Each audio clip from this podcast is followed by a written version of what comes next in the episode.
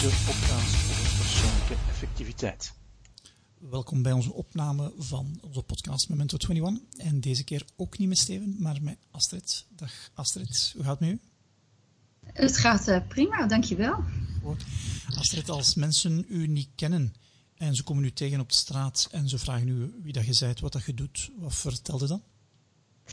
Oeh, nou, uh, ik heb een privé en zakelijk antwoord natuurlijk. Maar mijn, naam, mijn volledige naam is Astrid Groenewegen. En ik, uh, zoals jullie al horen, uh, Nederlandse van oorsprong. Uh, geboren en getogen aan de kust in Den Haag, maar al heel lang woonachtig in Amsterdam. En daar ehm, een eigen bureau gestart.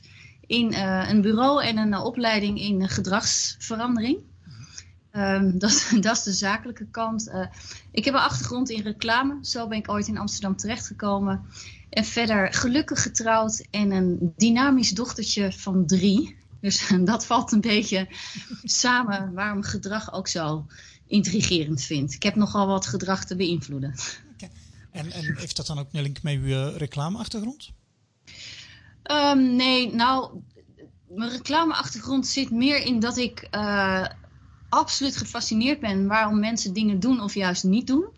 Maar, en daar is heel veel over bekend. Heel veel ook in de wetenschap natuurlijk onderzoek gedaan. Maar ik vind het wel heel belangrijk dat het ook tot concrete ideeën komt. En daar helpt mijn reclameachtergrond wel bij. Want dat waren natuurlijk altijd tastbare, tastbare antwoorden. Alleen miste ik daar dan weer de, de wetenschap van beïnvloeding in. Maar de creatieve kant en de, uh, de kant om die kennis die er is ook om te zetten naar echte, echte ideeën en interventies, die heeft er zeker mee te maken. Ja. En als je spreekt dan om, over gedragsverandering, gaat over individuen, of gaat over groepen, of, of maakt het daar geen onderscheid in? Nee, niet zozeer. Kijk, wij als individuen, ik denk wat wel belangrijk is, er is heel veel nadruk geweest, denk ik, de afgelopen tijden op het individu. Weet je, de personal coachings business. Uh, en wat wij echt uh, zien en weten vanuit de wetenschap en het onderzoek is, je staat als, als individu niet in een vacuüm. Mm -hmm. Dus eigenlijk, effectieve gedragsverandering, heb je het altijd te maken over groepen en de context waar iemand zich in bevindt. Mm -hmm. Maar wat voor iemand het is, uh, het kunnen werknemers zijn, het kunnen klantgedrag zijn, het kan burgergedrag zijn, dat maakt eigenlijk niet zoveel uit. Ja, en, en, en door wat wordt ons gedrag dan het meest beïnvloed? Het wordt het meest beïnvloed door de context waar we ons in uh, bevinden. En de context zijn dan uh, andere mensen of ruimten of tools waar we mee werken? Ja, eigenlijk alles. Ik denk dat uh, het meest uh, baanbrekende dat er uit de gedragswetenschap naar voren is gekomen, is het feit dat wij als mensen eigenlijk compleet irrationeel zijn. Wij denken altijd dat we over alles nadenken en verstandige beslissingen nemen en voor's en tegens afwegen. Maar dat blijkt helemaal niet zo te zijn. 98% van onze beslissingen uh, die zijn irrationeel en die nemen op basis van shortcuts. En die shortcuts zijn de, de signalen die we oppakken in onze omgeving, die context waar, uh, waar ik naar refereer. En het kan van alles zijn. Het kan zijn dat we gedrag gaan vertonen omdat andere mensen dat ook doen. Dus dat we naar anderen kijken. Of uh, dat we gedrag gaan vertonen omdat de weg van A naar B nou eenmaal makkelijker is dan van A naar C. -hmm. um, het kunnen vooroordelen zijn die we hebben. Dus het, het, is, het is meer dan mensen. Het kan ook in de fysieke ruimte uh, zijn. Ja, en het is, is, dan, Waardoor, ja. is dan heel moeilijk om... Bij ons zijn mensen heel hard geïnteresseerd in hoe kan ik nu meer met mijn tijd gaan doen. Mm -hmm. En een van de zaken die wij dan vertellen is van, zorg ervoor dat je uh, minder gepusht wordt, maar dat je meer kunt gaan pullen. Want elke keer als je gepusht wordt, en dat is waarschijnlijk de omgeving die verandert, dan ga je daarop reageren en dan zet je je aandacht al kwijt. Ja. Um, en, en de meesten verstaan dat ook, maar dan de vraag die ze stellen, ja, maar hoe ga ik dat nu doen? Ja. Het is veel makkelijk om iemand te vertellen wat hij moet doen, maar hoe, ja. dat, is, ja, dat is toch niet altijd zo evident. Nee. Kijk, het, überhaupt veranderen is voor mensen best lastig. We zijn nou eenmaal gewend om bepaalde dingen op een bepaalde manier te doen. En zelfs als we weten dat dat eigenlijk niet zo goed voor ons is, blijven we nog liever in ons oude gedrag veranderen dan dat we iets anders gaan doen. Dus dat wil niet zeggen dat het het kansloos mhm. is. Want als je heel even uh, nadenkt, veranderen we ook heel vaak wel vrijwillig in ons leven. Uh, je gaat studeren, je gaat naar een andere stad. Uh, nou, kijk naar, naar mode. Ja. Weet je, gelukkig veranderen. Nou, je verandert van relatie. Nou, en hoe kun je dat nou ehm, bij jezelf, hoe kun je nou, wat jij zegt, meer, meer, meer tijd voor jezelf ik denk, je kunt allerlei interventies doen op jezelf. Kijk, gedragsverandering heeft eigenlijk met, met drie elementen te maken. Eén, je moet gemotiveerd zijn mhm. om het gedrag te willen veranderen. Ik denk dat dat bij de meeste van jullie luisteraars wel zo is, want we hebben allemaal last ja. van die enorme interrupties. En uh, je moet het gedrag kunnen uitvoeren. Mhm. Dus daar kun je ook zelf uh, iets meer bij doen. En het gedrag moet uitgelokt worden. Dat heeft te maken met die context. Dus waar we, mijn advies is altijd: oké, je motivatie is er wel, vaak. Ja. Kijk eens hoe het gedrag makkelijker gemaakt kan worden. Hoe kun je, kun je bijvoorbeeld zorgen dat je niet zoveel uh, uh, gestoord wordt als je niet bezig bent? Want ik denk dat dat wel, ik weet niet of jij dat herkent uh, bij jullie luisteraars, maar dat dat een van de grootste. Ja hindernissen ook is om productief te zijn en uh, tijd voor jezelf uh, te creëren. Geeft het een beetje een antwoord? Ik dwaal een beetje. Ja, ja absoluut. Nee, um, een van de tips die wij ook geven, dus omdat we ook ja, in onze zoektocht van hoe, hoe doe je dat nu, zijn we, zijn we tot de constatatie gekomen. Verder is het goed om te kijken hoe we in het verleden in elkaar zaten. En als je dat begrijpt, ja, dan kun je beter je omstandigheden creëren om zo dicht mogelijk erbij te blijven. En een van de zaken is, um, ja, als het makkelijk is, dan is de kans groter dat we het gaan doen. Maar het omgekeerde is ook waar. Als we het moeilijk maken, dan is de kans kleiner dat we het gaan doen. Ofwel moeten we heel hard gemotiveerd zijn. En, en de twee dingen die jij benoemde van motivatie, en ik moet het ook kunnen. Ja, dat, zijn, dat zijn al twee, twee um, um, factoren die ik denk ook nog belangrijk zijn. En dan zeg je, dan is er ook nog ergens een trigger nodig om dat gedrag te stellen. Ja. Of de afwezigheid van een trigger om dat gedrag te stellen. Ja, absoluut. Ja, eh, om, uh, om een heel ander voorbeeld te geven. Bijvoorbeeld als je uh, van plan bent gezonder te eten of te leven. Ja. Uh, ik vind dat een makkelijk voorbeeld, omdat iedereen zich daar wel mee kan identificeren. Op het punt dat je heel hoog gemotiveerd bent om dat te doen, moet je eigenlijk zorgen um, dat je wat wij noemen interventies doet om het gedrag naar de hand makkelijker te maken. Dus stel dat je denkt, ik wil nu ja, eindelijk eens een liter water per dag gaan drinken. Als je daar heel gemotiveerd bent, moet je op dat moment die waterfles kopen of nou, wat dan ook. En dat is dan ook je trigger. Uh, want als ik achter mijn computer zit de hele dag, Ehm, dan vergeet ik dat alweer. Weet je, mijn motivatie is weg. Ik zit in de, in de waan van de dag. Mhm. Maar als ik letterlijk die waterfles voor me heb staan en het gedrag dus heel makkelijk heb gemaakt om dat te pakken, dat is je trigger en dat is je gedrag. En zo kun je dat eigenlijk, die drie, die drie uh, dat samenspel van die drie, kun je eigenlijk ook op productiviteit uh, loslaten. Daar, daarom zijn bijvoorbeeld uh, de Pomodoro's, die jullie denk ik allemaal wel kennen, ook zo, zo daar, dat is eigenlijk ook een trigger. Want als je dat op je mobiele telefoon hebt staan en je ziet letterlijk van hé, hey, ik zit in een Pomodoro, dan is dat de trigger om bij je, bij je werk te blijven. Ja. En, en, en, dus triggers. Ja. En is dan van context veranderen de beste manier om je gedrag te veranderen? Um, ja, dat is wel een heel efficiënte manier. in ieder geval ingrepen in je context te doen. Ja. Um, dus um, als jij. Wij hebben nu uh, veel onderzoek ook gedaan naar. Mensen zitten natuurlijk allemaal thuis te werken. ja. De context is dramatisch veranderd. Uh, um, en daar zie je gewoon echt dat je daar. Dat, dat je dat je interventies in je eigen context moet doen. Als jij midden in de huiskamer zit, waar je familieleden ook zitten, nou is het gewoon ontzettend lastig om te focussen. Maar aan de andere kant, uh, die, die uh, hele hype die we hadden met de open kantoortuinen, weet je wel, op alle kantoren, dat blijkt echt gewoon een killer te zijn. Een killing context voor mensen om in deep work te komen. dus ja, het helpt zeker om um, in je context veranderingen te doen. Mhm. Of signalen aan je context te geven. Ik kan nu gewoon even niet gestoord ja. worden. Mhm. Want dat is natuurlijk ook een andere. Ja, en, en dat ik het begrijp, dan, zeg je, dan definieer de interventies, maar dat zijn interventies aan uw context. Dat is de, de buitenkant. Is er dan ook geen werk van binnen te doen? Ehm, ja, je kunt um, een, bijvoorbeeld een heel uh, uh, bekende binnenwerktechniek mhm. is wat ze priming noemen. Dus als je je dag begint met, oké, maar dit is wat ik vandaag wil realiseren en dit is waarvoor ik dit mhm. wil doen. Dat je het ook snapt. Dan merk je dat mensen veel, uh, één, veel minder geïrriteerd zijn door de kleine to-do's. Maar dat veel beter kunnen plaatsen. Ja, maar dit doe ik vanwege dat grotere doel. Ehm, en zich ook minder laten afleiden. Ja. En een ander intern ding is ook ehm, met een, uh, als je je dag eindigt en even opschrijft. Wat waren nou de drie drie, uh, een soort, wij noemen dat de retrospective. Mhm. Wat ging er nou goed vandaag?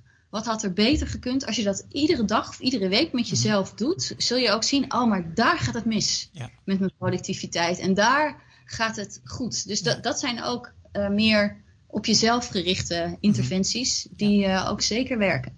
Oké, ja.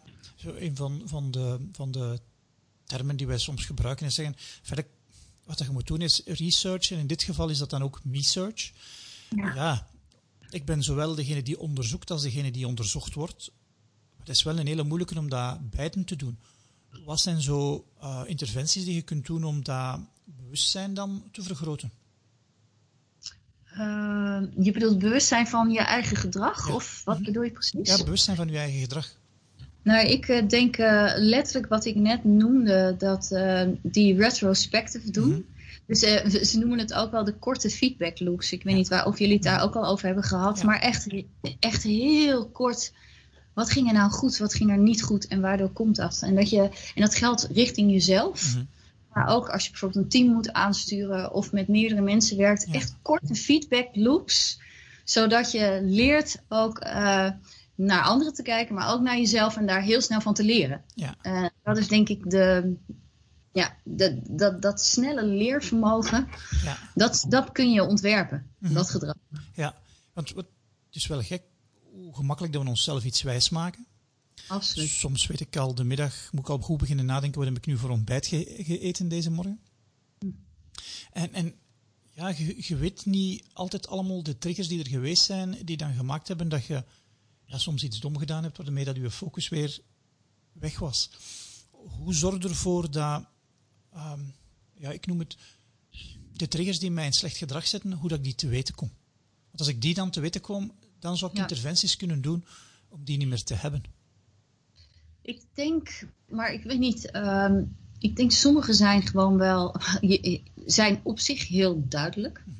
En ik, je, je, zei net iets heel interessants, wat namelijk zo ontzettend uit gedragswetenschap naar voren komt. Wij zijn heel goed in onszelf iets wijsmaken. Mhm. En we zijn ook heel goed in uh, gedrag waarvan we heus wel weten mhm. dat het niet productief was, om toch recht te praten wat krom was.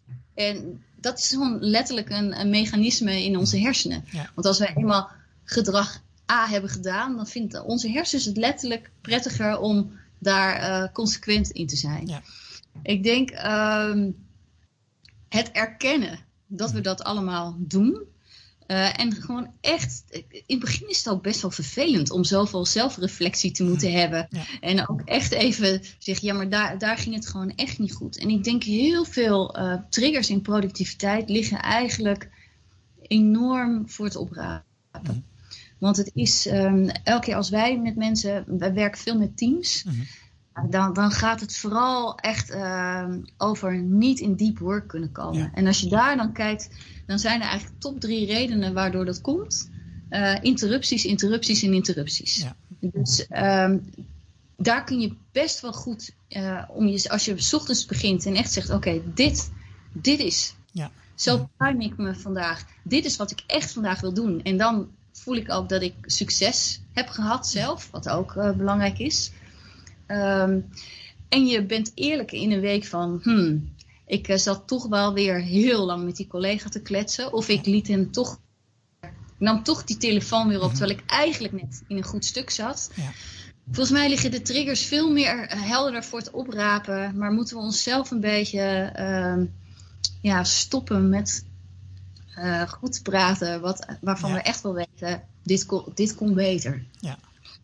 Ja, dat, dat geloof ik ook. Het is wel grappig dat je noemt van teams om in deep work te komen. Want uh, in een van onze vorige podcasts hadden wij uh, een interview met Joop Peters van De Chevaux.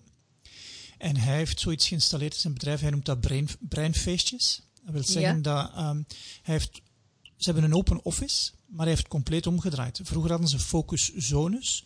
En nu hebben ze gezegd van, nee, nee, onze open office is de focuszone. Als er andere dingen moeten gebeuren, is dat buiten deze ruimte. Heel slim. Ja, ik vond het ook heel slim. We zijn van, standaard zijn we gefocust en doen we deep work, maar moeten we praten, hebben we een meeting houden in een meetingroom. Niet in een focusruimte. Ik vond het zo, zo'n mooie van, ja, dat, is, dat is werkelijk hoe dat zou moeten zijn. In plaats van, ja. uh, een beetje zoals met de covid-crisis, in plaats van uh, ons allemaal in een lockdown te steken. Nee, waarschijnlijk zou het efficiënter zijn van de zieke mensen in quarantaine te steken in plaats van de gezonde mensen allemaal in quarantaine te steken. ik, ik vond het zo een goede manier om dat aan te pakken om minder interrupties te hebben. Ja, um, ik, wat, ik, wat ik daar heel mooi aan vind is uh, wat ze noemen de default veranderen. -hmm. uh, dus de, de, de, de, zeg maar de meest automatische gangbare keuze, ja. die heeft hij veranderd. Mm -hmm. De default is dat we in focus zijn en niet de default ja. is uh, nou, even met elkaar overleggen. Ja. En dat is zo'n krachtig principe. Ja. Ik zei dat nu ook met die hele COVID-crisis. Uh, uh, het heeft ook voordelen hè, voor mensen dat ze nu thuis mogen werken. Er zijn allerlei, uh, net zoals mm-hmm. gebrek aan concentratie op werk. En, en dat heeft ook weer allemaal. Ik denk dat dat misschien ook. Ik ga een beetje op de hak op de stap. Maar als je niet in focus kan komen. Dan is het niet alleen maar dat je je werk niet af hebt. Maar het gaat ook veel verder dan dat. Ja. Want je hebt het, we hebben allemaal als mensen gebrek aan erkenning, gebrek aan waardering. Um, we willen Klopt. leren, we willen groeien. Al die effecten mm. heeft dat. Ja. En ik zei ook, ja, uh, misschien uh, dat soort, draai de default eens om. Wat als ja. de default gewoon niet meer is, uh, je werkt standaard op kantoor. Mm. Maar de default is, je werkt standaard op een plek. Kijk, nu is die plek natuurlijk thuis geworden. Maar er zijn zat plekken buiten kantoor te bedenken waarvan je denkt, daar kan ik me concentreren. Dat ja. dat de default is. Mm -hmm. En dat het omgekeerd is. En we overleggen, um, en we overleggen af en toe. Dat is niet de default. Ja. Dat kan heel effectief zijn. Uh -huh. ja. En ik ben ook heel benieuwd wat er straks gebeurt. Nadat we allemaal uit lockdown zijn. Gaan we allemaal weer terug naar de kantoren. En komen we dus weer in zo'n uh, want de meeste van ons zitten toch nog in die uh, kantoortuinen. We werken helaas dan niet allemaal bij De Chevaux. Nee. Uh, ja, wat gebeurt er? Ik vind ja. het heel fascinerend om te zien. Ja, want voor u zijn het dan geweldige tijden om te merken hoe dat mensen hun gedrag verandert. Als die context, dat hebben we nog nooit gezien, zo'n experiment met zoveel mensen, als die context verandert. Hè? Nee, het is voor ons natuurlijk los van dat het natuurlijk uh, voor sommige mensen enorm ernstige gevolgen heeft. En ik dat ook absoluut niet wil bagatelliseren. Maar dit is het grootste gedragsexperiment ooit op gebied van werk. En um, als gedragsonderzoeker of ge gedragsbeïnvloeder uh, is het de uitgelezen kans om te kijken kunnen we, doordat we nu twee contexten met elkaar kunnen vergelijken, de context van werken op een kantoor en de context van werken uh, ja, los van, van teams, ja, kunnen we daar van beide de voor- en nadelen vinden en misschien wel het, nieuwe werk, het echte nieuwe werken uitvinden. Ja. Dus ja, klopt. Wij zitten wel op ons puntje van ons stoel wat dat betreft. Aha. En wat heb je voor uzelf al ontdekt van, oh, dat is toch wel iets die ik niet wist dat zou gebeuren als ik nu zo een bepaalde periode in een soort isolatie ben terechtgekomen? Uh, persoonlijk uh, vind ik het wel prettig. Maar ik denk dat er een groot verschil is tussen extravert en introverte. En ik ben iets meer de introvert. Dus ik vind het lekker om me goed te kunnen focussen. Uh, wat ik wel uh, merk, zo langzamerhand, is dat je, dat je ook even dat non-verbale ja. mist. Dus uh, hoewel ik een introvert ben, mm -hmm. ja, heb je, je, je krijgt maar je krijgt een, op een heel andere manier communicatie. Ook al zien wij elkaar nu ook. Ja. En mm-hmm. voelt dat nog, weet je, de technologie staat voor niks. Maar ja. het, het informele praatje dan even. Ja. Alles is wel heel efficiënt geworden. dus aan de ene kant is dat heel goed. Mijn, mijn vergaderingen in Zoom of Teams zijn allemaal heel efficiënt. Maar ze zijn wel heel efficiënt geworden. Mm-hmm. En normaal had je even het loopje naar het koffieapparaat. En ik, ik dacht altijd, ja, maar daar hou ik helemaal niet van. Want ik hou van, mhm. Weet je, uh, heel, uh, heel gefocust bezig zijn. Maar dan blijk ik dat toch ook wel te missen. Dus, uh, en ja, als ik het al mis als introvert, moet dat voor de extraverte gewoon echt nu een hele grote uitdaging zijn. Ja, dat denk ik ook. Maar ja, in, in, in zo'n gesprek online, ja, dan, dat zuigt veel meer van onze aandacht. En een meeting, ja, dit is veel minder belastend. Voor, ons, oude, voor ons oude brein ook. Hè. Het schijnt dat er een, een, een, een, een vertraging op zit tussen wat dat jij ziet en wat dat je hoort. Die mhm. anders is in, in, een, in een echte meeting. En dat ons brein daar heel veel last mee heeft om dat te processen. Waardoor dat we dus veel, veel vermoeider zijn na zo'n Zoom-sessie dan indien we face-to-face in real life in dezelfde ruimte deze, dit gesprek hadden gehad. Ja, ja, dat geloof ik ook meteen. Ja, ja je, je, op een of andere manier eh, gaat je, moet je focus nog meer omhoog om bij een uh, gesprek te blijven, hoe aangenaam het ook kan zijn. Ja. Ik weet niet of jij hetzelfde hebt, maar als ik drie uh, lange Zoom-gesprekken heb gehad, ben ik daarna gewoon ook echt moe. Ja. Mm ook al kan ik ook niet zo heel goed vergaderen hoor. Ja. Ik heb, in heel veel organisaties wordt er heel veel vergaderd. Wij hebben dat niet zo. Mhm. Dus ik merk dat als ik voor COVID in een lange klantvergadering moest zitten, was ik ook back-off. Ja. Gewoon ook helemaal niet gewend uh, ben. Dus misschien is het ook allemaal, weet je, ons brein moet ook weer even nieuwe dingen aanleren. En uh, wordt het straks ook wat makkelijker. Ja, ja. Maar het ligt wat verder van onze natuur hoe dat ons brein geëvolueerd is. Uiteindelijk zijn wij gewoon sociale dieren. Ja. Uh, ja, en dat zit hardwired in onze, in onze hersens. Ja. Ik, was, ik was vorige week zo een tekst aan het lezen over hoe dat we slecht gewired zijn om uh, logisch na te denken, hoe dat we slecht gewired zijn om wetenschappelijk onderzoek te doen. Ja. ja, dat is ook gewoon logisch dat we zo irrationeel zijn. Hè?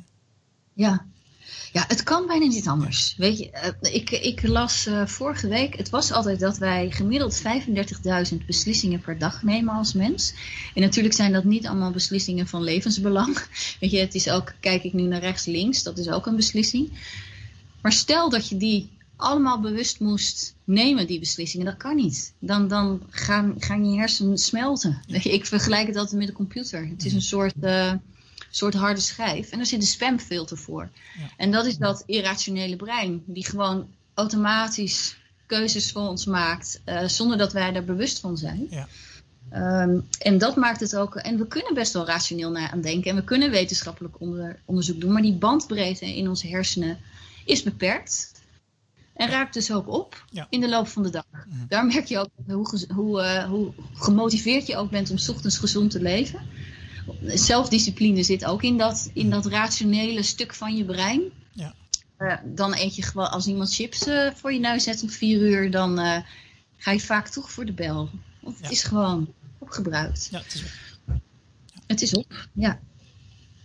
Um, als je zo zegt van, in het wetenschappelijk onderzoek, wat zijn zo de inspiratoren voor u um, als je denkt over gedragsdesign?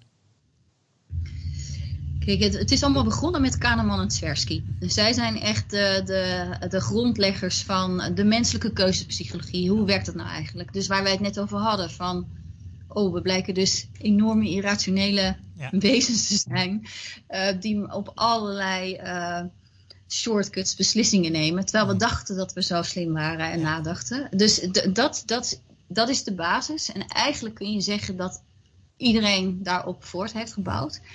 Wie ik zelf enorm intrigerend vind is uh, Cialdini. Uh, zijn boek Influence is al heel oud, maar zijn boek Persuasion, dat gaat eigenlijk over die context. Van hoe design je een context voordat je iemand probeert te beïnvloeden, zodat je weet dat je invloed hebt. Dus dat is echt een uh, van de mensen um, die ik met aandacht volg. Um, Dan Ariely, uh, die het, uh, wel bekend van zijn boek Predictably Irrational. Ja. Maar heel erg bezig met, uh, met ook onderzoek hoe werkt de irrationele mens nu en wat werkt niet. Ja, en verder lees ik echt alles wat los en vast zit, wat uitkomt. Maar ook dingen als Nassim Taleb. Dus ook heel veel uit andere domeinen. Ja, mental models intrigeert mij enorm. Van hoe kun je. Dus eigenlijk het bovenliggende is voor mij, hoe kun je nou zorgen dat je betere beslissingen neemt? En daar zijn heel veel... Uh, ja. ja, de, de mental model denken vind ik ook, vind ik ook heel intrigerend. Ja, ik ben zo een jaar of twee geleden in contact gekomen met Farnham Street. Ik weet niet of dat iets ja, zegt. Ja. Oh ja, elke zondag lees ik de nieuwsbrief. Ja. Ik, vind, ik vind hem ook heel goed. Ik heb ook de twee boeken gekocht. Ja. Um, ik vond ook wel geweldig. Ik denk dat op de podcast was van Farnham Street dat ik Kahneman hoorde vertellen van ja, ik ken die modellen wel, maar ik zondig daar evenveel tegen als iemand anders. Ja, ja, ik, ik vind het ook heel uh, grappig. Uh, Kahneman die, uh, die, zegt ook, die zegt ook, het is zo sterk, ons automatisch brein. Zelfs ik die er alles van weet, laat, neem af en toe ook nog beslissingen waarvan ik weet, hij noemt het je automatisch brein system 1. Ja. Dat, totaal System 1 uh, eh, overnemen. Ik heb de, het interview inderdaad ook gehoord uh, bij Farnham Street met Kahneman. Sowieso uh, heel intrigerende interviews. Ja. En daar, daar vind ik ook zo interessant dat je... En ik vind dat is ook belangrijk als gedragsontwerper, omdat je bezig bent. En ook als je je eigen gedrag wilt mhm. verklaren of veranderen. Als je weet dat je gedrag wordt uitgelokt, dus je context belangrijk is, is het ook heel om zoveel mogelijk van zo'n context te weten te komen. Wat doet de economie met ons? Wat doet de politiek met ons? Wat doet je onderwijs met ons? Dus weet je, als je eenmaal in de gedragswetenschap eh, geïnteresseerd raakt, dan ben je nooit meer uitgeleerd. Want je raakt gefascineerd in alles. Ja, ja, en je gaat een aantal rabbit holes induiken die dan misschien niet zo interessant zijn. Um, Degene die ik heel, heel interessant vind, zijn de verschillende biasen die wij hebben als we beslissingen nemen, als we iets kiezen. Zijn er daar voor jou een aantal die gezegd van, die staan in mijn toplijstje. Als ik kijk hoe design ik nu um, ja, de omgeving om het goede gedrag te staan? Ja, ik denk een hele belangrijke is de confirmation bias. Daar hadden we het net al over. Weet je, onze, onze hersenen zien graag bevestigd wat we al vonden of denken. En daar moet je echt, uh, daar moet je echt voor oppassen. Uh, of jezelf bewust zijn dat je dat doet. Ja. En je, een, een uh, bekend voorbeeld daarvan is uh, voor iedereen van de luisteraars die bijvoorbeeld wel eens mensen moet uh, sollicitatiegesprekken doen mm. met mensen. Daar zie je dat bijvoorbeeld gebeuren. in de, ik geloof in de eerste acht minuten wordt, bes, wordt besloten of iemand mm. aangenomen wordt of niet. Ja. dat heeft met die confirmation bias te maken. Want ons systeem 1 die pakt weer cues op. Mm. En of het nou is hoe iemand praat, hoe die eruit ziet, hoe, die, hoe zijn stem is, maakt niet uit. Je hebt het niet eens in de gaten. En van het gesprek ga je dat alleen maar. Um, wil je dat bevestigd zien? Nou, en dat is, een, dat is een hele sterke die we heel vaak zien. We zien het ook in het zakelijk leven. Je denkt gewoon, mijn product of service is fantastisch. Je gaat een onderzoek doen en je probeert alleen maar bevestigd te zien uh, wat, je, wat je al wil bevestigd zien. En dat gaat allemaal heel onbewust, maar dat gebeurt wel. En uh, availability bias. Uh, dus als wij uh, hetgene wat je het uh, laatst hebt gezien of dichtbij is, daar hecht je veel grotere waarde aan. Dus als jij net een, net een ehm, artikel hebt gelezen dat er een vliegtuig is neergestort en jij gaat de volgende dag vliegen, dan heb, heb je het idee dat het heel onveilig vervoer is. Mhm. Terwijl als je het objectief, rationeel bekijkt, is het een van de veiligste vervoermiddelen. Dus dat is er één die veel voorkomt. Ja, en uh, uh, wat we ook wel uh, beter kennen als ehm, gewoon de stereotypes. Hè? Dat is een hele sterke bias. Ja. Dus in jouw geval klopt natuurlijk, mensen met een bril zijn slimmer. Um, weet je, maar allemaal dat soort, allemaal, dat soort shortcuts die we de hele tijd maken. De stereotypes, ja. echt nergens op, op gebaseerd zijn. Dat zijn voor mij denk ik de drie belangrijkste. Er is een lijst van 200. Mm -hmm. uh, is dus ongeveer. Ja. Uh, maar die komen wel echt heel veel voor. Mm -hmm. En, en um, wie dat in uw lijstje niet horen noemen heb, is iemand zoals B.J. Fogg. Is dat ook... Ja, uh... ja absoluut. Ja, zijn BJ Fogg gebruiken wij ook veel. Die heeft die drie elementen waar we het mhm. eerder over hadden: van motivatie. Um, hij noemt motivation, ability, trigger. Dat komt van hem. Trigger heeft hij naar de hand veranderd naar prompt. Ik ben er nog niet achter uh, waarom precies, maar goed. Dus BJ dus... ook absoluut. Uh, heel veel onderzoek in uh, gedragsverandering. En veel met habits bezig. Ja. Het laatste boek Tiny Habits. Um, Ik merk alleen, uh, want ik, wat ik heel interessant vind zelf, ik ben mijn eigen prototype. Dus alles wat ik lees, probeer ik uit op mezelf. En die tiny habits, op een of andere manier werkt dat bij mij nog niet. Dus ik vond het heel leuk om te lezen, mhm. maar ik sport nog steeds niet, laat ik het zo zeggen. Uh, uh, dus ja, BJ Volk, uh, absoluut ook een, een interessant denker. Ja, Zeker omdat hij ook zoveel in de praktijk probeert op te lossen. En vooral ook, en dat vind ik ook heel belangrijk, dat hij het echt doet om positief gedrag te ontwerpen. Ja. Er, wordt, er wordt natuurlijk in de wereld heel veel uh, kennis van gedragsontwerp gebruikt ten slechte. Ja. Kijk naar verkiezingen, kijk populisten, kijk uh, onze verslaving aan mobiele telefoon. Ja. Nou, en BJ Fogg is echt, echt bezig um, mensen te helpen afvallen, gezond te leven. Uh, nou, productiever, waar wij het over hadden. Dus mhm. ja. ja. Nee, absoluut interessant. Stel dat ik als organisatie bij, bij, bij jou zou komen en zeggen: Goh, we willen als organisatie productiever werken. Hoe zou dat dan in zijn werk gaan? Uh, wat is uw aanpak dan om, om te starten? Nou, eigenlijk het belangrijkste, de aanpak die we altijd hebben als we echt een organisatie veranderen, is uh, je ziet dat toch vanuit heel veel uh, leiderschapspositie of de top mhm. van de organisatie uh, heel veel wordt gedaan vanuit de rationele mens. Als we mensen maar heel erg op efficiency en cijfers gestuurd en als we mensen maar informeren, als we ze maar vertellen wat onze purpose is en wat uh, wat onze waarden zijn, dan moeten ze toch gaan bewegen. Dus we starten uh, altijd van bovenaf om te laten zien, ja, die mens bestaat eigenlijk niet. Dus als jij je organisatie wil veranderen, dan moet je weten dat je met uh, wat Kahneman noemt niet met icons, maar met humans te maken hebt.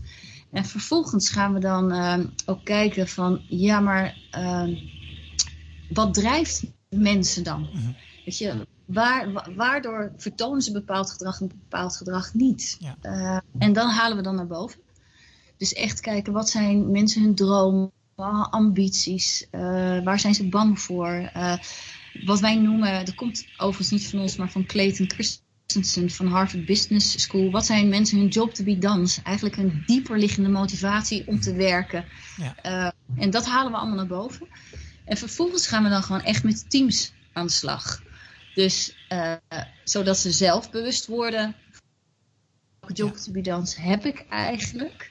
Wat, wat houdt mij tegen om bepaalde gedraging te doen? Wat kan mij helpen om mijn doelen te mhm. realiseren? En dan gaan we heel concrete gedragsinterventies uh, met hun uh, installeren. Zo bijvoorbeeld die retrospective die ik zei. Dat een team iedere week met elkaar kijkt wat ging goed, wat ging niet goed.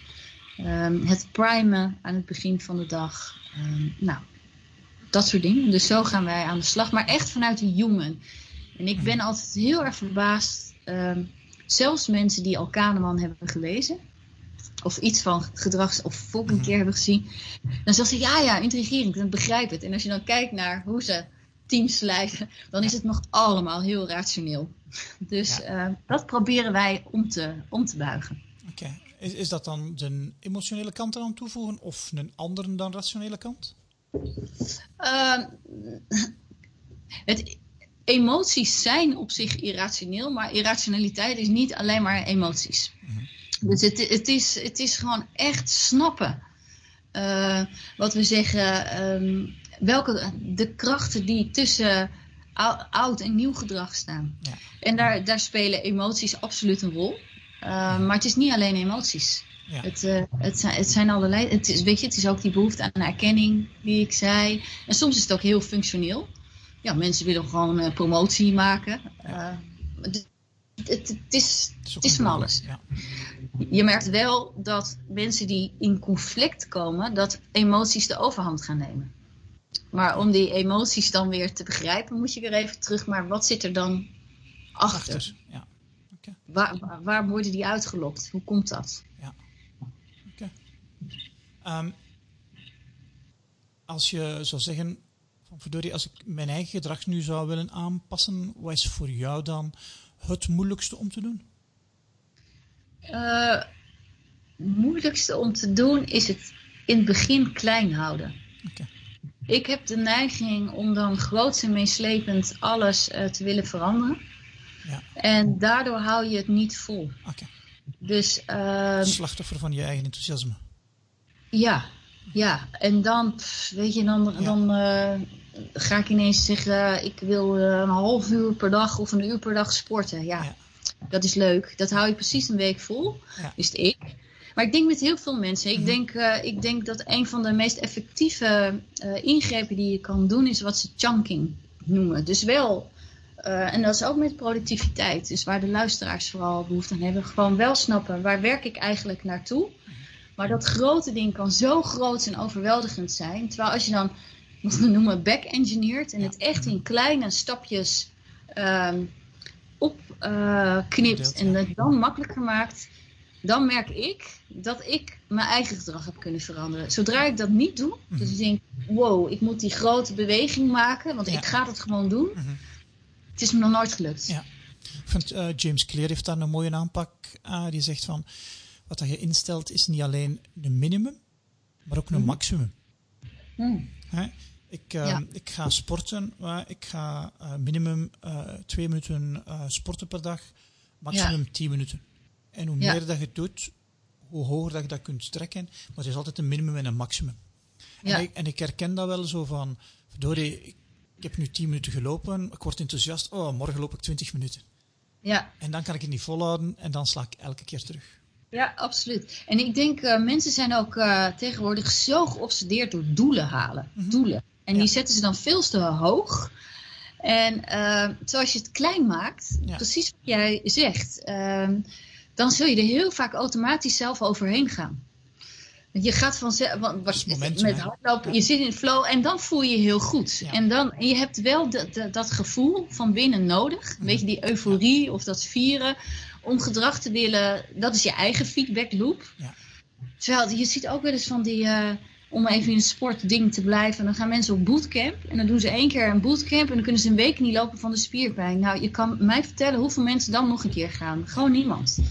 Terwijl als je niet van die hoge doelen zet, mm zul je zien, maak het klein. En dat is wat BJ Fogg ook doet met Tiny Habits. Maak het klein, maar ook in productiviteit chunken van je, wat je te doen hebt in een week. Zodat je het ook gaat halen. Want anders, uh, anders design je voor disappointment. En dus, dat is gewoon zo ontmoedigend, dan is je motivatie ook nog eens weg. Een van, dus, de, van de zaken die wij mensen aanraden is van je moet designen voor feedback, zodat je dan oh kunt beter worden. En wij vertellen van, kijk, wat kun je doen deze week? Dat is gewoon af, afhankelijk van hoeveel dat je al moet doen. En wij hebben nu een gesprek, nu kun je niks anders doen.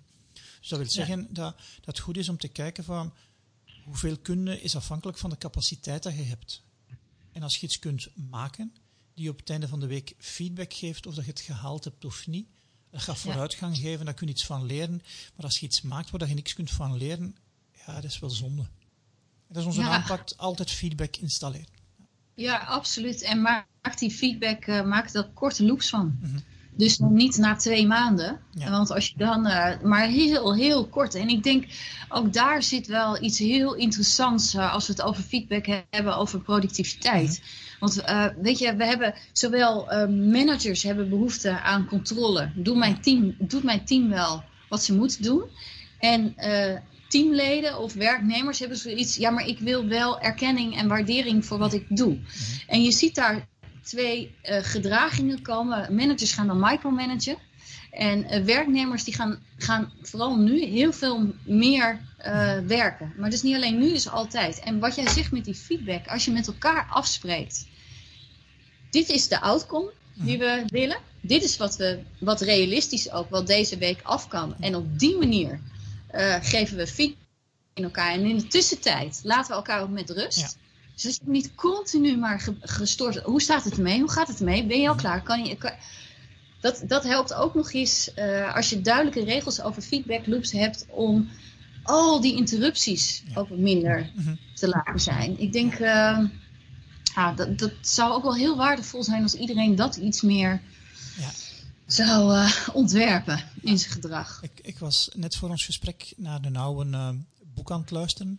Dus It Doesn't Have to Be Crazy at Work mensen van Basecamp, hoe dat zijn bedrijf omgevormd hebben tot ja, iets waar dat mensen kunnen geconcentreerd werken. En dat is wel integrerend om te zien. Ze hebben bijna alles omgedraaid. Ja. Een agenda, niemand heeft het recht om uw agenda te zien. Ah, Wil ik een meeting met u, moet ik die uh, moet ik die u verkopen? Moet ik u ook bewijzen dat u een tijd waard is? En ik van, ja, dat is zo'n hele andere aanpak dan de meeste mensen doen. Hè. Ja, ja, absoluut. Ik, ik moest ineens aan iets denken, maar ik kom er zo nog wel op. Maar ik uh, ben het heel even kwijt. Oh ja, wat, wat bijvoorbeeld ook zo'n mythe is in productiviteit, is dat we, dat we altijd zeggen, ja, maar als er maar heel veel sociale cohesie is tussen teamleden, mhm. dat zijn de beste teams. Blijkt helemaal niet zo te zijn. Want als jij uh, enorm goed met iemand kan vinden, dan is dat feedback, wordt die feedback loop ook een beetje uh, vertroebeld. Want als jij en ik de beste maatjes zijn, en uh, jij vindt dat ik mijn werk niet zo goed doe, dan zou je dat toch niet zo, zo makkelijk tegen mij zeggen. Want je denkt, ja, maar ik ken haar. En, dus die, die, hele, dus daar, daar moest ik aan denken door mm Basecamp. Dat je zei, it has to be crazy. Weet je, altijd maar, ja, je moet op de vrijdagborrel zijn en je moet met elkaar connecten. Blijkt qua productiviteit. Weet je, je moet lekker met je vrienden connecten. En um, met je teammensen natuurlijk. Moet je elkaar respectvol uh, behandelen en moet je goed met elkaar op kunnen schieten. Maar qua feedback en leervermogen is het eigenlijk beter dat je niet elke week met elkaar dronken wordt en de beste vriendjes bent. Mhm. Dus daar, daar heeft Basecamp dan wel um, letterlijk in de organisatie interventies in gedaan. Leuk om te horen. Absoluut. Um, feedback loops installeren, hoe doe je dat voor jezelf? Ik uh, doe letterlijk, ja, het klinkt, ja, ik ben natuurlijk wel heel erg, hè. Uh, ik bedoel, het is niet we zijn beroepsdeformatie. Maar ik, uh, ik, ik uh, doe aan het begin van de week, los van teamoverleg wat ik heb, heb ik voor mezelf aan het begin van de week, eh, zet ik al mijn outcomes neer. Dus ik stuur mezelf ook op outcomes. Niet op to-do's, mhm. En die zet ik in mijn agenda. En ik heb drie gebieden waarin ik progressie wil maken. Dus mhm. dat is zakelijk, maar het is ook persoonlijk. Nou, en op basis daarvan zet ik die in mijn agenda. En ik doe een retrospective met mezelf. Mhm. Elke, elke week, aan het eind van de week, dan denk ik, nou, uh, en daar zitten dingen in dat ik denk van, nou, dat had ik gewoon veel te strak gepland. Mhm. Dus dat designen voor disappointment. Dus dat moet ik volgende week niet meer doen. Of, uh, nou, het was hartstikke goed dat ik die dag gewoon zei, niet to do's, maar een stuk schrijven. Want uh, en ik doe dat dus. Ik doe ook retrospective met mezelf. Mhm. En ik vraag het aan mijn, uh, nu is het iets anders omdat je iets meer op afstand zit, maar aan collega's. Ja. Wat vond je wel goed gaan, wat vond je niet goed gaan? Maar ik doe dat dus ook heel erg met, me, met mezelf. Okay. Uh, ik kijk er ook naar en op basis daarvan doe ik de maandag dan erop. Ja. dus ik, ik, zet dus ook mijn agenda niet meer. Vroeger plande ik allemaal te doen al weken vooruit. Mhm doe ik dat op de maandag, omdat ik leer van de week ervoor. Ja. En dan pas uh, mijn to-do's weer inzet. Ja. In onze aanpak noemen wij dat ideale week doen. Je, ah. je leert iets van vorige week en je bepaalt de volgende week. Ja. Ja. En je hoopt dat het ideaal gaat zijn. De realiteit zal waarschijnlijk anders bewijzen, maar daar gaat je iets van leren. Ja. Ja, precies. Want dat, dat lerend vermogen krijg je echt. Net als wat ik zei, nou, je, je bent soms iets te ambitieus in uh, to-do's waarvan je denkt dat je die kunt realiseren. Mhm. en je moet ook altijd rekening houden dat er iets tussendoor komt. Ja. Um, maar je, je designt leren. Ja. Uh, en dat kun je dus ook gerust voor jezelf doen. Je moet het wel willen. Ja. Maar uh, je kunt dat wel doen. Ik vind het wel mooi dat jullie dat de ideale week noemen. Mooie, mooie framing. Ja. Um, je, je moet het wel willen, dus je moet gemotiveerd zijn. Je moet het ook kunnen.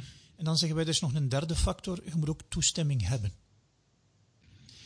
Um, en daar merk ik wel dat soms zo in organisaties wel moeilijk is om toestemming te krijgen, behalve als je natuurlijk dan met dat team overeenkomt, we gaan dat proberen, we gaan dat als een pilot draaien. Is dat een aanpak die u meestal hebben? Ja, je, je, je snijdt hier echt een punt aan wat wij zoveel uh, tegenkomen. Wij krijgen hier veel mensen op bezoek die behoorlijk gefrustreerd zijn. Uh, want als je kijkt naar organisaties de afgelopen jaren, die hebben zo vaak moeten veranderen. En eerlijk gezegd, COVID heeft nu weer mhm. een situatie gecreëerd waar heel veel organisaties weer moeten veranderen. En teams komen dan bij ons, ja, ja, we moeten weer wachten totdat een nieuwe mission statement er is. En uh, ja, we moeten weer wachten tot, nou, totdat de strategie is bepaald. Ja, en dan zeggen wij ook, ja, dat is waar. En dat is ook belangrijk dat een bedrijf een koers heeft. Mhm. Maar als je als team besluit, of als mens, ik bedoel, ik doe het ook als mens, van ik wil veranderen, is juist het mooie van gedragsontwerp dat je dat met hele kleine interventies kan doen. Dus precies wat jij zegt, als je als team gewoon zegt, we gaan een aantal gedragingen installeren. En uh, wij noemen dat prototypen. We gaan dat echt prototypen. En elke week evalueren. Wat werkte wel voor ons, wat werkte niet. En dat optimaliseren. Dan kan je dat gewoon al doen. Daar hoef je niet de missie uh, van, uh, van boven te hebben. Dat je natuurlijk niet allerlei gedragingen gaat doen die dwars tegen die missie ingaan. Maar goed, dan moet je wel van hele kwade zin zijn. Want vaak zijn het dit soort dingen al ja, vaak zijn het dingen van hoe kunnen we als team nou gewoon meer impact krijgen. En hoe kunnen we wel ehm, met elkaar goed samenwerken. Ja. En dat kun je gewoon doen. Want het, het zijn wat wij uh, noemen kleine habits. En ehm, die, dat kan je gewoon morgen starten. Ja, ja absoluut. Het, het, het is, merk ik, is dat als ik iets anders doe, wat de wereld van mij verwacht, van mij gewoon is, die wereld gaat tegenduwen. Ja. En dat spanningsveld, op een of andere manier moet ik daar over.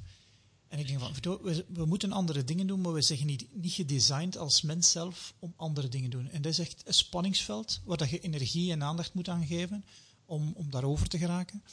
Maar wat zijn zo ja, een aantal gemakkelijke handvaten om met die pushback van je omgeving om te gaan? Uh, bewustzijn is misschien al één van, dat gaat gebeuren. Ja, bewustzijn is één ding. En weet je wat, wat ik altijd tegen teams zeg? Uh, je beste pushback is je succes.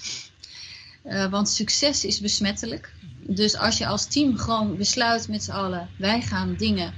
Het, je gaat niet tegen. De, je, het, het, is niet dat je je doelen als team verandert. Je verandert de manier waarop je samenwerkt als team. Dat is dus je gaat niet tegen de groep.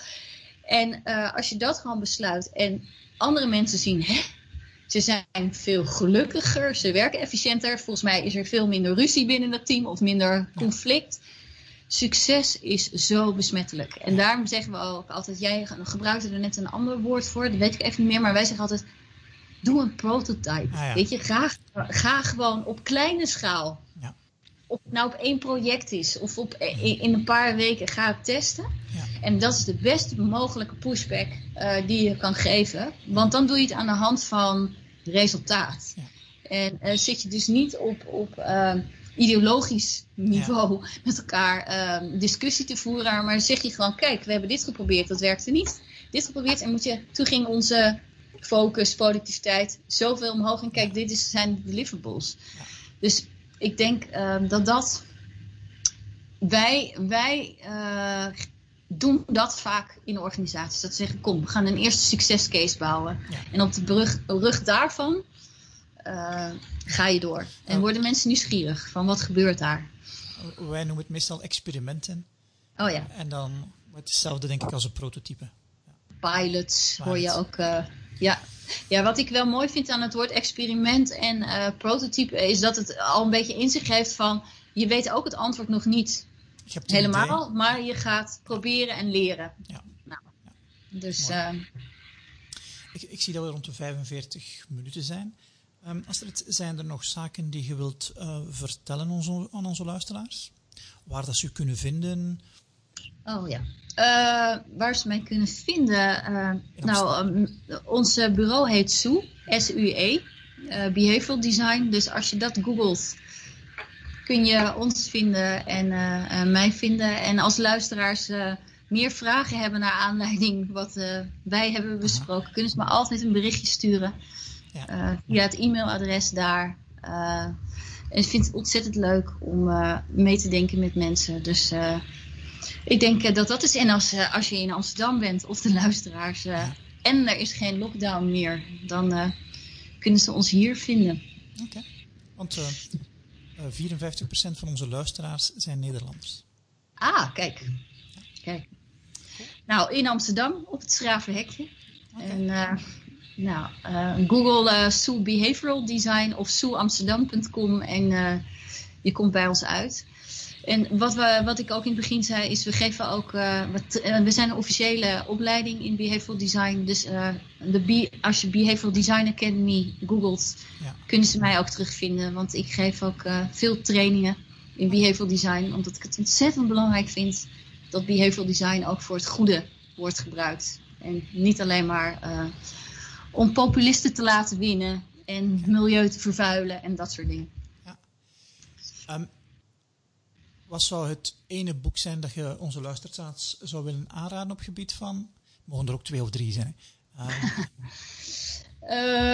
nou, Persuasion, die ik zei, -hmm. van Cialdini. Ja. Vind ik echt een heel goed boek. Uh, Kijk, mensen kunnen door Thinking Fast and Slow van Kahneman en Tversky heen worstelen. Maar om het gedrag wat makkelijker te maken, uh, want daar ben ik natuurlijk ook van, uh, zou ik zeggen, uh, kijk eens naar de Google Talk van Kahneman. Want ja. daar legt hij eigenlijk het hele menselijke beslissingsproces uit. En hij is fantastisch om naar te luisteren. Het is de opa die je altijd had willen hebben. Tenminste, ja. dat heb ik wel. Hij spreekt beter dan hij schrijft, vind ik, hè? Ja, ja. Dus uh, ik, uh, ik ben enorm fan uh, ook van TED Talks. En, want boeken, ik lees heel veel boeken. Ehm, ik ben nu ook bezig in Ubiquity. Ehm, en dat gaat over dat je doelen nooit rechtstreeks moet bereiken, maar mhm. via omwegen bereikt. Vind ik ook heel interessant. ja, ik ben een boekenworm, dus ik kan hier nog een, een kwartier mee vullen. Ja. wat, ik, wat, ik niet zo, wat ik zelf niet zo'n prettig man vind, um, is Neer Eyal, maar zijn boek Hoekt. Dat vind ik een heel goed boek. Ja. Zegt uh, wel heel veel over, geeft heel veel inzicht waarom wij allemaal zo verslaafd aan interfaces zijn geraakt. Dus het principe erachter is, heeft hij goed omschreven. En als we dat principe voor het goede gebru kunnen gebruiken, is dat natuurlijk ook heel fijn. Um, ja, um, wat hebben we nog meer? Uh, William Poundstone heeft een heel interessant boek geschreven, Priceless, over prijzingpsychologie. Nou, dat is ook fascinerend om uh, te weten. Ja, ik, ik, kan, ik kan wel doorgaan. Sapiens vind ik gewoon een basiswerk ja. over de mens. Mm -hmm. uh, Harari. God, ik lees zoveel, Johan. Dat ik, ik lees ook altijd drie boeken tegelijk. dus dat maakt het ook een beetje een beetje lastig. En, en, hoe komt dat je drie boeken tegelijk geleest? Heb ik altijd al gehad. Uh, dat is denk ik mijn aangeboren... Uh, voor mij is het ergste wat er is verveling. Okay. En nieuwsgierigheid. Ik heb altijd al ontzettend uh, nieuwsgierigheid. En ik vind het heerlijk. Ik lees snel, dat scheelt ook. Dus ik vind het lekker om af te wisselen. Start at the End van Matt, Wa Matt Wallard vind ik ook een heel goed boek.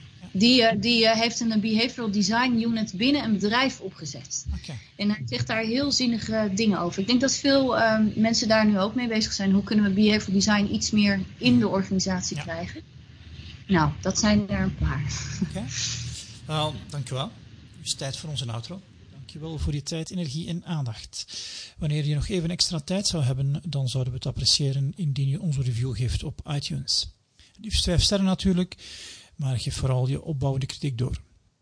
Daarnaast is dit een disclaimer om je te vertellen dat we geen dokter, psycholoog of iets dergelijks zijn. Ons zelfadvies is met gezond verstand te evalueren.